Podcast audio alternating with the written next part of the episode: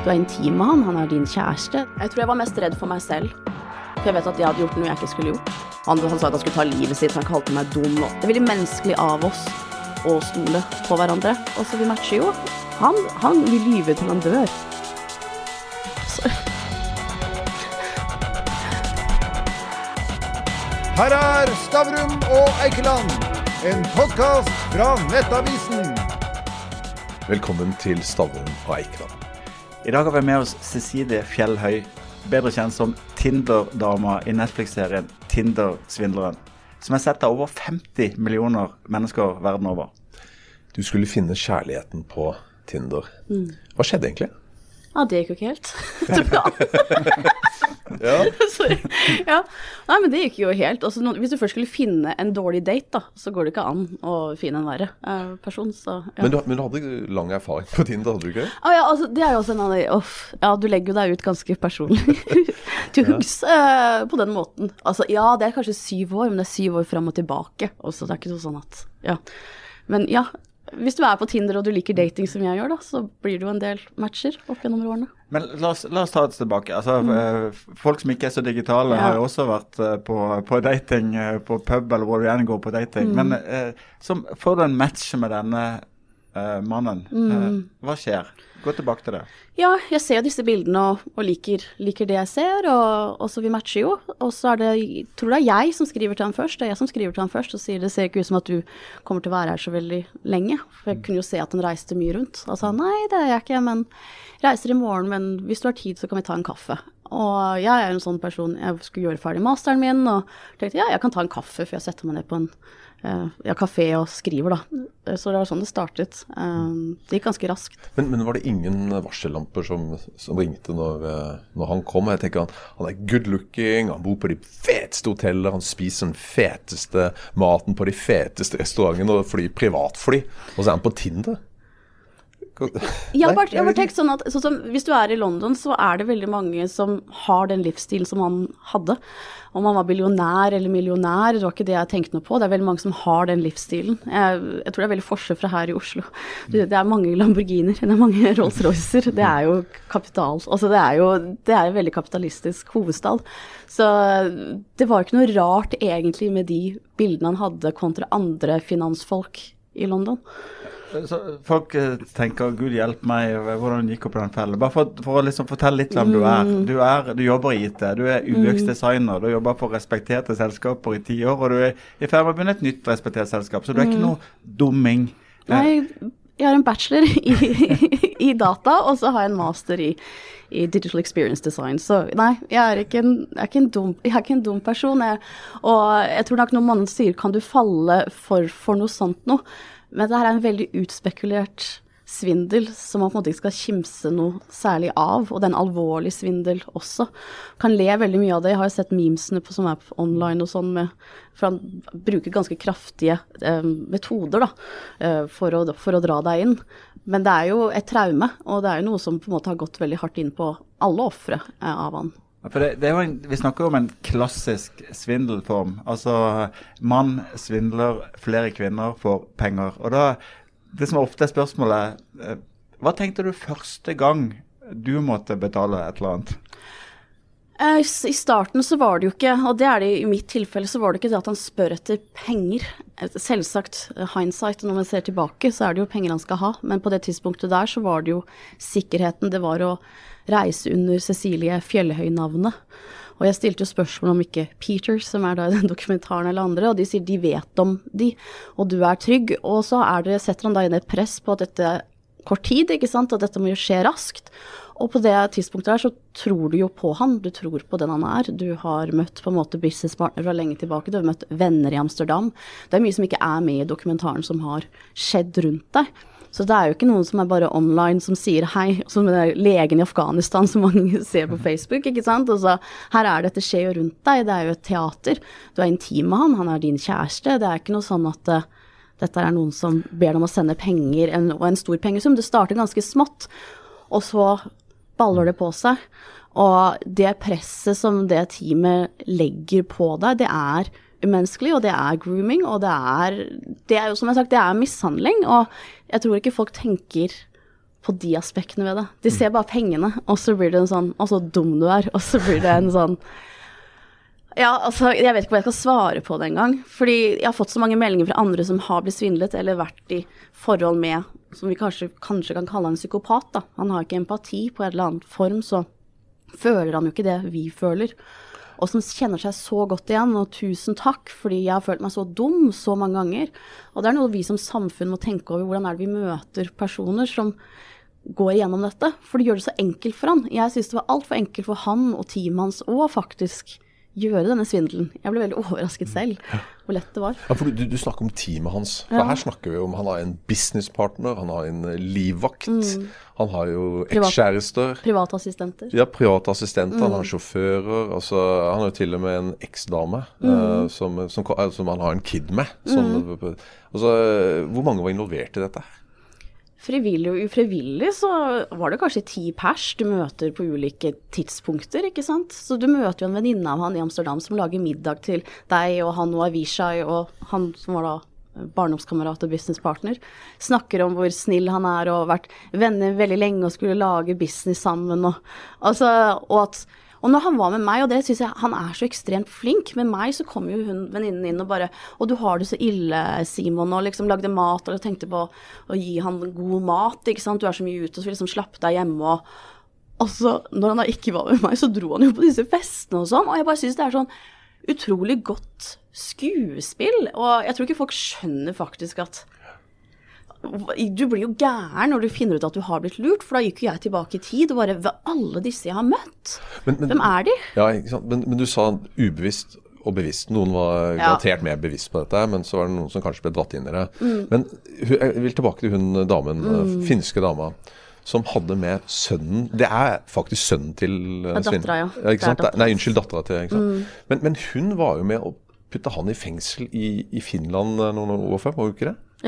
Ja. Ikke sant? Jeg, Og så plutselig så er hun med der og gir han alle de beste skussmålene. Hvordan er det mulig? Ja, det, kan, det er det jeg mener, da. Så da føler man seg ganske sterk, at man klarer å stå opp. Og så, jeg kan jo ikke tenke hva kanskje hun har vært igjennom. De var jo et forhold tilbake i Finland. Så ble hun gravid, og så fant hun ut at du er sammen med en som er helt fake. Og så står hun da i retten. Om det er en del Stockholm-syndrom, om han da har kanskje gitt henne penger tilbake, for at hun føler på en måte at nå er jeg fri, eh, kanskje hun bare hadde lyst til at dattera skulle møte faren sin. Det er veldig mange ting som Jeg vil ikke dømme for mye, men jeg må si at jeg ble jo utrolig såret når jeg fikk vite at her er det en som har gått gjennom det samme som meg, og ikke tenkte engang på Og det var ikke det at mange Jeg vet ikke om dere har hørt den podkasten som følger med eh, dokumentaren. Der går man litt mer i dybden på hun. Og der diskuterer de at hun, måtte hun si ifra til meg. Fordi det gikk jo så mange jenter gjennom eh, den helgen hun var på besøk. Men jeg var sånn, hvorfor var hun der i første tilfelle? Så hun vet at han her er en svindler. Hvordan har du hjerte til å sitte på den privatjeten, eller ta imot gaver, da. Hun fikk jo veldig mye gaver til dattera si. Og vite at dette er fra svindel, og du har gått gjennom den samme. Altså det Men har, har du konfrontert henne? Ja. Og hva sa hun da? eh, Tilbake i 2019 så ringte hun meg etter VG kom ut, for da var hun veldig sinna på meg, fordi jeg mente jo at du er jo med på dette.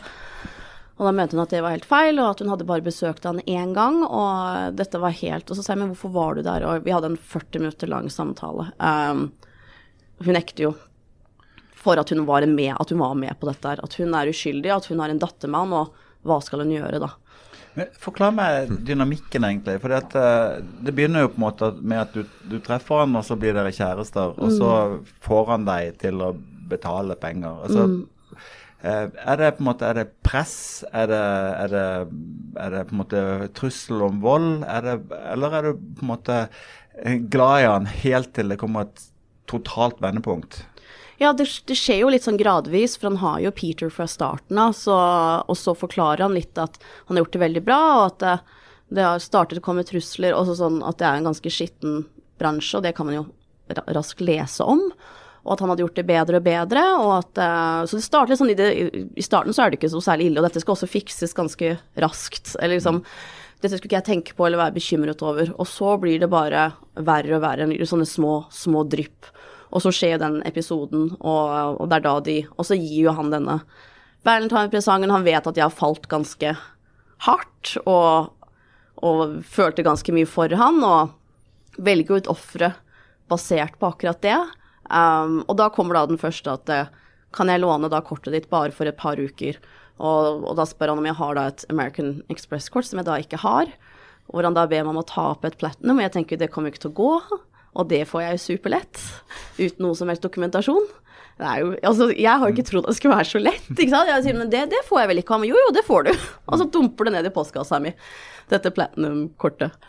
Um, men, men, det jeg tenker på, det er jo sånn um, Når du har vært utsatt for svindel, så har du på en måte også en motstand mot å erkjenne at du er utsatt for svindel. Altså, ja, herregud. Ja. Mm. Sen. Altså, når ting når, I starten så var det sånn et, Etter hvert som ukene gikk, jeg ser jo det mentalt, så Du vil jo ikke vedkjenne at ting ikke er som det er, for da er jo livet ditt ødelagt. Det er bedre å holde på det lille, bitte lille håpet om at dette her er altså, ekte til slutt.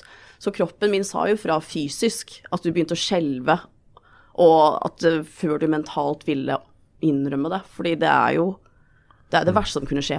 Men, ja, til slutt på det, Hvor var det nøyaktige vendepunktet da du ikke kunne overbevise deg selv lenger om at ikke du var utsatt for en svindel? Um, da var det tidlig på morgenen. Han hadde jobbet med denne dealen som også Eileen pratet om i dokumentaren. Uh, hvor han da sa til meg å, bare det er den siste kvelden, skal jeg få inn de siste millionene? Og da var det liksom natt til 1. mai. Og så sa han men hvis ikke pengene er inne før klokka tolv, så, så, går det ikke. Og jeg bare hadde tenkt sånn ok. Og så våkner jeg neste morgen og får en melding av I lost. Og det var da jeg bare Du vet når du, du Det er motstand på motstand på motstand. Og det var da jeg bare merket at Og da switchet han om på meg. For da hadde jo jeg begynt å få regninger i posten og, og litt sånne ting. Og da merket jo jeg presset mye raskere enn det andre har, tror jeg. Eh, de andre som har hjulpet han, har kanskje ikke tatt opp like mye lån. Så jeg hadde jo et utenforpress som var ganske brutalt. Og når jeg da sier at jeg må også dette her, da, han, da følte han ikke noe synd på meg. Sa jeg, men jeg har tapt 72 millioner, jeg, og du har bare tapt to. Så det er mer synd på meg, og det, da skjønner jeg altså, det, det, er grei, det, det er grenser for hvor, hvor, hvor, lurt du kan bli for hvor lenge når den, han som på en måte skulle være beskyttende for deg og ta vare på deg, nå bare han, han, sa at han skulle ta livet sitt, han kalte meg dum. Altså de telefonsamtalene, hvis dere har sett dokumentaren, så kan han bli veldig og Det var jo sånn han var på telefon med meg når jeg ja, Han kan jo virke truende, men, ja. men, men jeg tenker at altså, plutselig så våkner du opp den morgenen, og du vet bare OK, nå sitter jeg med milliongjeld. Og uh, altså, hva strømmer gjennom tankene dine da? Jeg tror jeg var mest redd for meg selv. For jeg vet at jeg hadde gjort noe jeg ikke skulle gjort. Det er jo sånn han gjør denne svindelen, ikke sant. Hans hender er jo rene. Han får jo oss til å gjøre det vi ikke skal gjøre. Så jeg var mest for redd for meg selv, og at bankene skulle gå på meg. At jeg skulle komme i problemer. Jeg tror det var det. Også selvsagt at du hadde mistet en kjæreste, men jeg var ekstremt redd. Veldig redd. Ja, for Det du sikter til da, det er jo at uh, han ansatte seg i, i dette fiktive selskapet som du trodde var et reelt selskap? Det var reelt, faktisk. Ja, okay. Bare så vet det. Ja, okay. men, så stakkars selskap, de har jo hatt skikkelig problemer nå, for ja. de tror at det bare er et fiktivt selskap. Men det er jo ekte. Jo, men, men likevel, det, det, var en fiktiv kontrakt, da. Ja, ja. Det kan vi si, da. Alt, alt det var. Men det var million uh, altså inntekt og, og, og så videre, ikke sant. Og, og du visste jo der og da selv at du skal kanskje ikke det var så reell, den uh... Ja, også, jeg visste jo det at uh, disse Men jeg sa jo det flere ganger til ham, men altså, jeg er jo redd. Jeg er norsk, altså vi alltid Vi gjør jo ikke sånne ting, ikke sant. Altså, så vet du at uh, ting i den ekte businessverdenen er kanskje ikke akkurat mm. så ordentlig hele tiden. Og så når jeg da tenkte jeg, jeg trodde jo genuint at han var CEO av, av, dette. Da sa han men hvis de tar kontakt, så er du ansatt i selskapet, så du skal ikke. Men bare tanken på det at han bryr seg ikke. Han setter jo deg i store personlige problemer, ikke bare økonomisk og emosjonelt, men strafferettslig også. Og kunne ikke brydd seg mindre. Mm. Men, men, nå sitter du med, med milliongjeld. Ja. Hvor, hvor, mye gjeld har du nå? Og jeg har sjekket gjeldsregisteret, det gjør jeg ikke så veldig ofte, men det er vel 2,9 nå. Det går vel opp mot 3 mil. Ja, for Hva er den løpende renta på dette? Og det er opp fra 15 til 20 det. Så det. Hvordan skal du komme ut av dette? Ja, det, det, jeg har jo vært i to rettssaker som gjør ting enda vanskeligere. For jeg har jo da blitt idømt at jeg er At jeg må tilbakebetale disse. Mm. Men min greie fra starten er at det er jo for mye, og alle kreditorene klarer ikke å se på dette samlet, så de tar kontakt med meg bare Men hun kan jo betale ned 500 000 og gjøre nedbetalingsavtale med oss. Så mm. kommer de andre med der, og så står du som den lille privatpersonen med både mentale problemer og alt som dette er, og så skal du prøve å finne ut Og det går jo ikke. Det er jo så høye Jeg har bare ikke vært i en posisjon mentalt. Det var På et år hadde jo ikke jeg engang kontroll. Jeg hadde, ga jo full makt til moren min. For jeg klarte ikke engang å få brevene, og det var for mye. Men, men øh, hvem typisk også Er det bankene som er kreditorer fortsatt? Er det kredittkortselskapene? Er det, er det Det er flere som har inkassoselskap? solgt dette videre, vet du. Ja. Det er jo det herlige med det norske samfunnet. Så du sitter med inkassoselskaper du egentlig ikke hadde noe forhold til i, i starten, som Ja. har kjøpt gjelden din, egentlig? Det ene, to av lånene har blitt solgt for andre gang nå. Ah. Så det er jo kjempegøy. At det, det, det, det er jo så råtne lån at det, de har jo ikke noe håp om å få det igjen, men allikevel så står jo du på bar bakke uten å egentlig vite hvordan skal du håndtere dette her, og så vet jeg jo egentlig hvordan systemet fungerer. Og føler meg veldig liten i møte med veldig sterke krefter.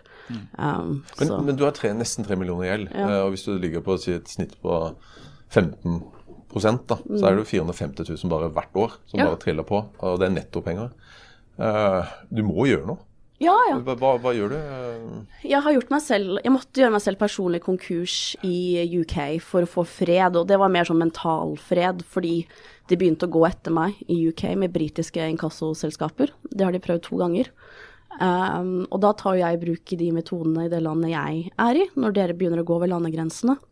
Og da var det til og med en bank som gjorde det mens jeg var i rettssak med de. Mens jeg er i rettssak og venter på at lagmannsretten skal ta, så går du etter meg. med en forliksrådsdom, da, en fraværsdom i forliksrådet. Eh, og bruker det i retten ganske klart, at vi har en dom mot Fjellhøy. Og jeg bare For en fraværsdom! Og den står de og bare hakker på så veldig da, at det klapper seg selv på skulderen at de har fått en dom mot Fjellhøy. Um, så det gjorde jeg, fordi da betyr det at jeg er beskyttet. Så hvis de går etter meg nå, da sier jeg jeg er konkurs, ta kontakt med disse, og dere skal ikke, dere skal ikke ta kontakt med meg. Og jeg trengte det året, når jeg har vært det i over ett og et halvt år nå. Jeg måtte ha det for å få mental ro. For det er mentalt den situasjonen det er å slite med økonomien og være redd for å sjekke e-mailen sin, brev, alt dette. Det, det unner jeg ingen. Jeg unner ingen, og det er ni kreditorer. Det er ni. Det er det jeg mener. Det er, det, er umulig. Så hvordan jeg skal løse i dette nå Jeg håper virkelig Jeg vil ikke prosedere nå, vil ikke si noe der i media hvordan jeg skal fikse opp i det. Men jeg, vi må jo få til noe nå. Uh, Tre mil er ikke mulig eh, å håndtere, og i hvert fall ikke med de rentene som er. Um, og jeg vet at disse er blitt solgt for veldig mye mindre enn det jeg skylder. Altså, jeg syns historien din minner litt om en annen Netflix-serie, nemlig 'Inventing Anna' i, Ja. i USA. Og Det er sånn, det interessante er på en måte når du får sett det rekonstruert eh, som tilskuer, så, så føler du på en måte at ting skurrer så utrolig tidlig, samtidig som folk blir med så lenge. Fordi at de har ikke lyst å erkjenne at det er en svindel. Eh, og jeg føler du sier litt av det samme. Sant? At du, du, først blir du jo først blir du jo sugd inn i svindelen, og så er det en viss motstand mot å erkjenne at han er der. Og så kommer et vendepunkt, og så er det ganske svart.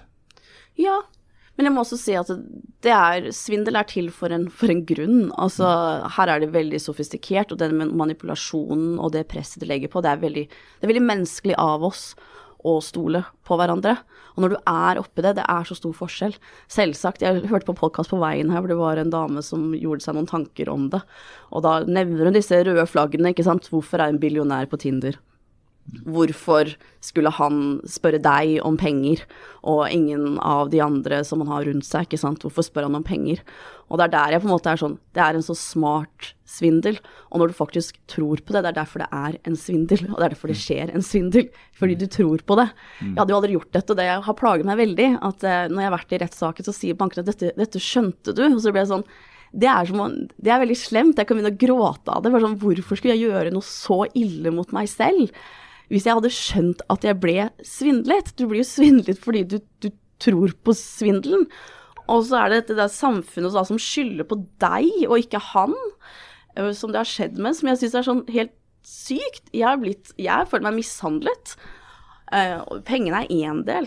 Det er noe helt annet også hva emosjonelt han har gjort mot meg, og så mange.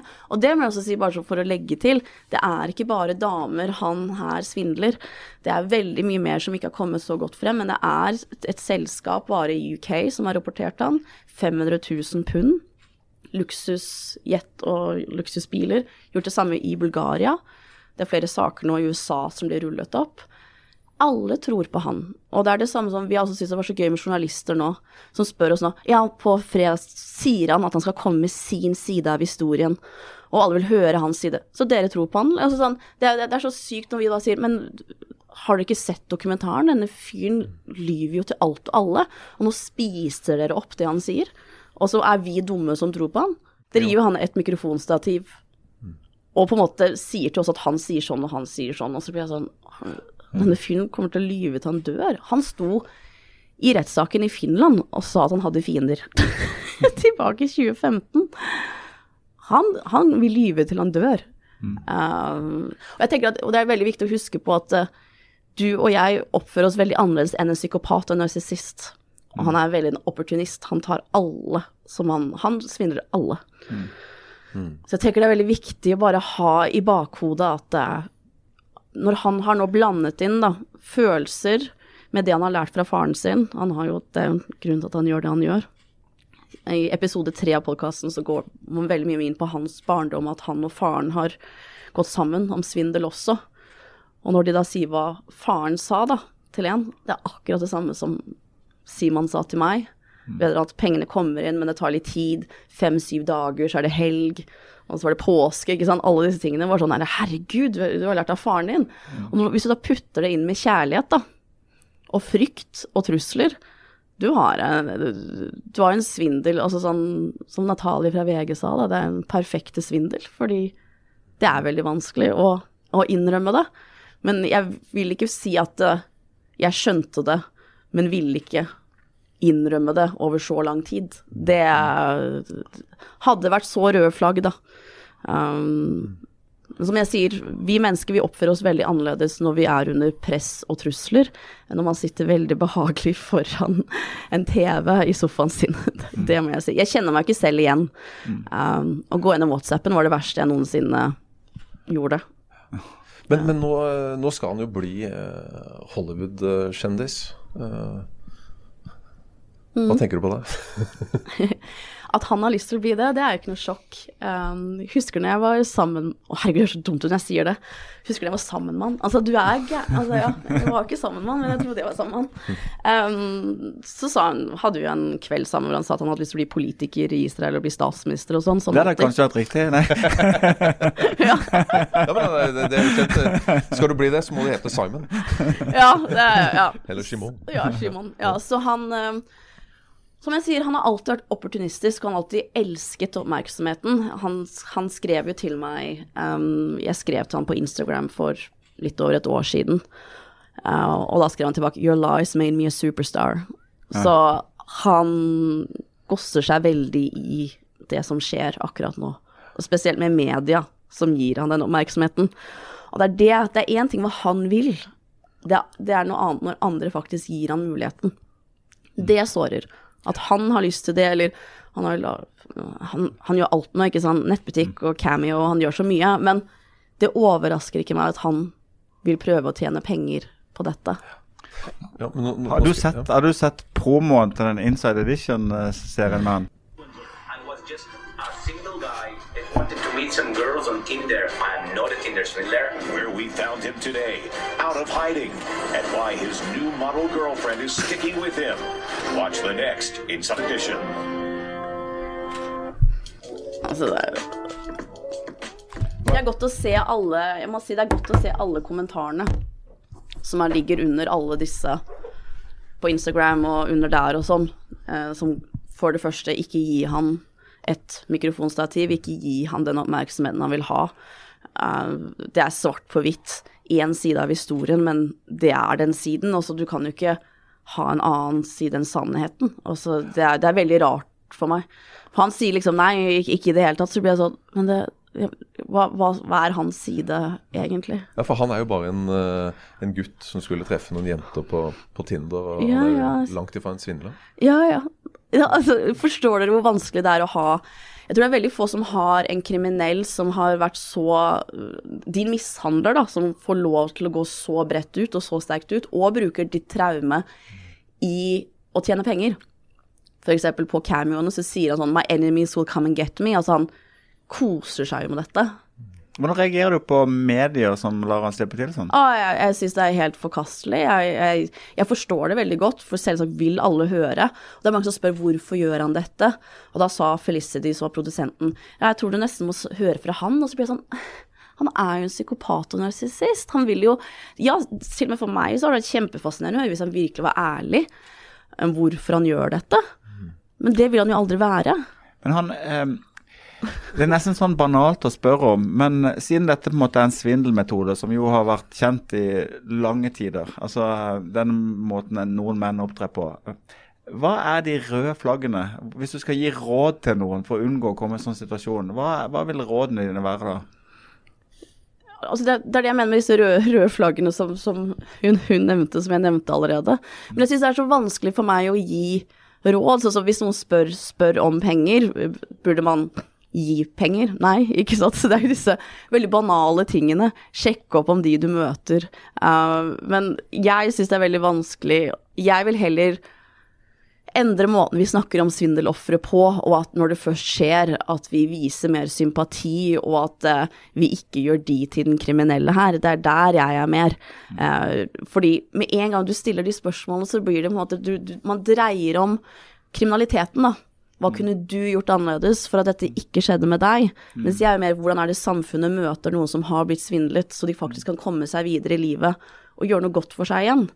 Der er jeg mer. Røde flagg de, en svindel, altså en svindel er jo en svindel fordi Altså, altså i, praksis, bare for all fairness, så er det sånn eh, Det er jo ekstremt vanskelig å gå til bunns i eh, en internasjonal eh, playboy med et stort pengeforbruk. Det er jo ikke helt lett å kartlegge, selv for økonomiske journalister. Så hvordan skulle du egentlig ha funnet ut av det med en gang? Det er der jeg tenker sånn i starten, og så, Det er og det jeg mener å tenke tilbake, kunne alltid ha gjort noe annerledes. Skulle jeg gang gått på den privatjetten, ikke sant. Jeg det dustete bare det. Og så ja, kan det vært human trafficking og hele pakka. Det er jo mye jeg kunne gjort annerledes. Men jeg tenker når du først har havnet i det, så synes jeg at jeg har tatt store konsekvenser på alle mulige måter av hva som har skjedd med meg, mens ingen andre har det.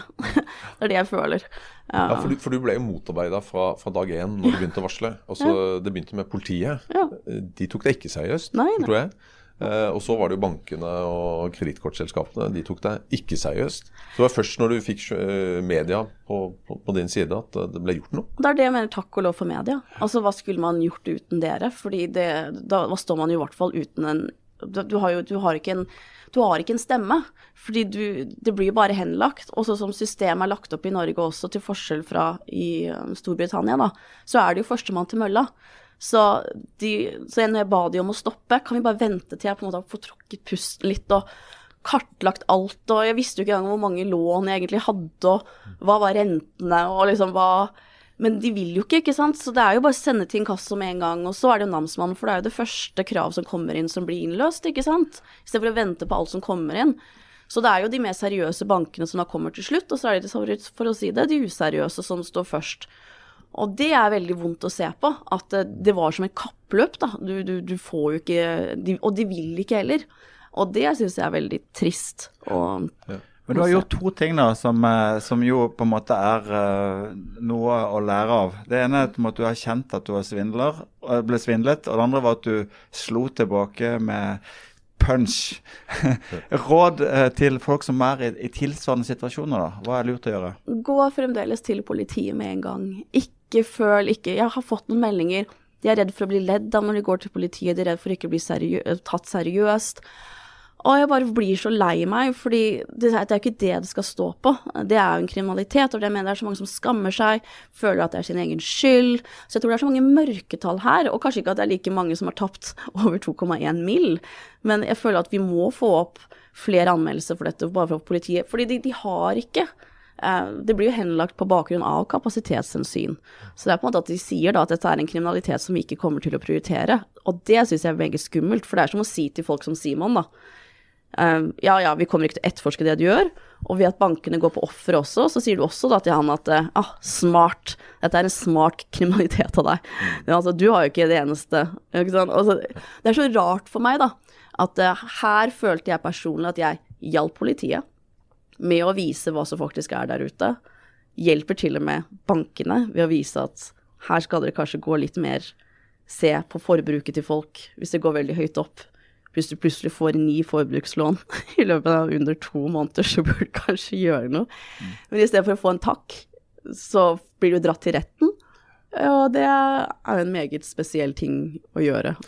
Du, du sa gå rett til politiet. Det er jeg helt enig i. Men uh, det nummer to du bør gjøre, er vel å, å kontakte noen som er profesjonelle på å håndtere gjeld. Eh, og så få dem til å samle all gjelda kanskje hos én bank. altså hun også, for det, det, vil hjelpe oss. Vi har jo Jon Arne Riise som eh, for noen år siden havna jo i ordentlig skitteren. Han fikk profesjonell hjelp, fikk en betalingsordning og, og kom ut av det. Eh, så det er vel også smart å gjøre det? Ja, selvsagt. Må si ifra til bankene så raskt som mulig. Det blir brukt ja. mot meg at jeg fikk vite det på en fredag, og så måtte moren min ringe til på en onsdag, og det var altfor lang tid. Hvorfor tok ikke Fjelløya? Ringte til alle ni bankene. Dagen hun skjønte at hun ikke hadde en kjæreste og hadde over to millioner i gjeld. Men da skulle hun sitte hit. Og det er det jeg tenker at det er kjempeviktig å få med her. At det er jo mange ting som har kommet opp nå hva du burde gjøre hvis du enten har et ID-tyveri eller ulike typer svindel. Men jeg har sett på disse steg for steg. Når du er så langt nede mentalt, de steg for steg, du, du, du klarer ikke det engang. Så du må, du må nesten få bygd deg opp mentalt. Føle deg litt sterk. Så selvsagt politi, banker. Men det er det jeg tenker, da. Hvis du tenker på å få hjelp profesjonelt med gjeld og sånn, så er det sånn du er jo svindeloffer, så du har jo gjerne gjeld selv, så du har jo ikke råd til heller å få den profesjonelle hjelpen. Og du klarer kanskje ikke å tenke hva som er der ute, eller hvem skal du kontakte. Sånn som jeg har blitt kontaktet av så mange svindelofre, og alle har de samme spørsmålene. Hva slags type rettsanvendelse kan jeg Hva slags type lover finnes? F.eks. loven jeg prøvde å bruke, som ikke gikk, da. Den visste jeg ikke om engang. Det var når jeg ringte til Jussbuss, hvor de sa til meg å ja, det er trusler og liksom trusler om vold og trusler Altså, da kan du kanskje bruke avtaleloven 28. Du, som privatperson, så du, du, har ikke innsikt i dette. Så når bankene da bruker det mot deg og sier ja, men Cecilie Fjelløy kom altfor sent med det, så blir det sånn, men hvordan skal jeg vite det? Den 4. mai 2018 eh, at ja, dette er alle lovene i Norge, liksom, og den kan jeg bruke.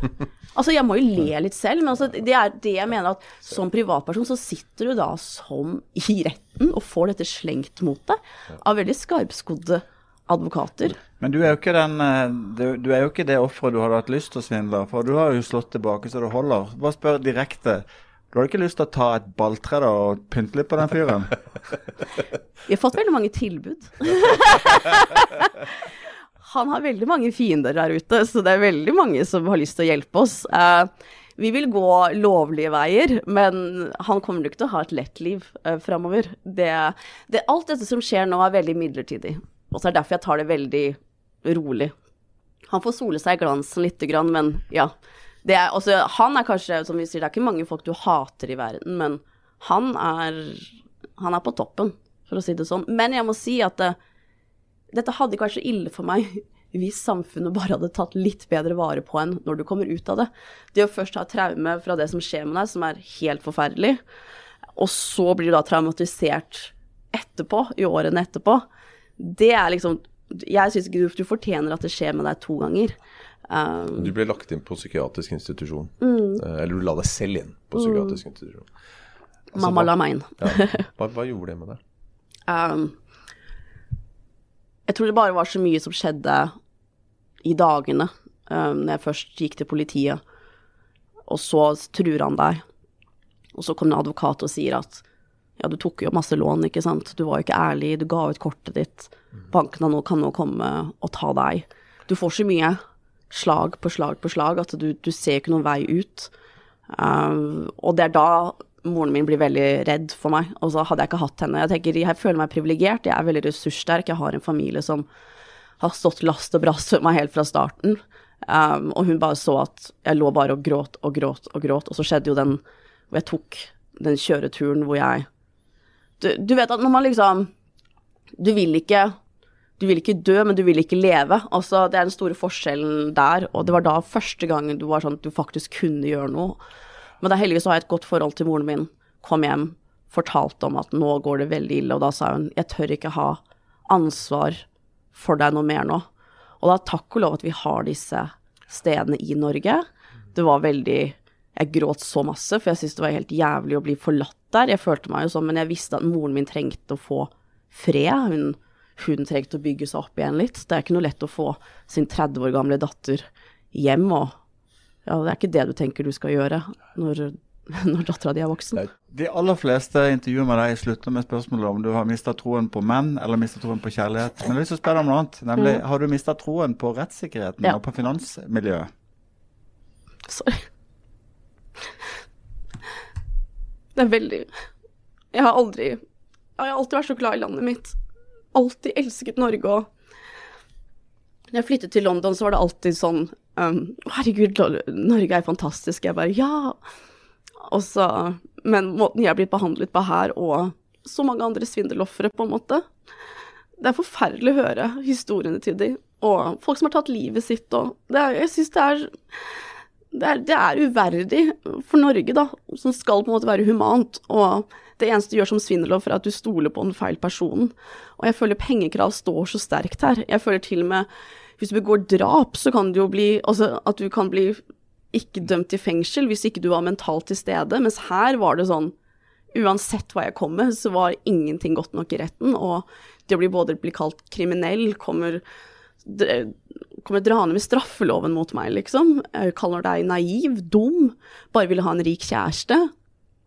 Det blir sånn, du sitter der og du Og så står de der i kappene sine, og så kjører de en Porsche hjem, ikke sant. Det er, så, det er en så det er en, så, en forferdelig å føle seg så liten mot så sterke krefter som finansbransjen er, da.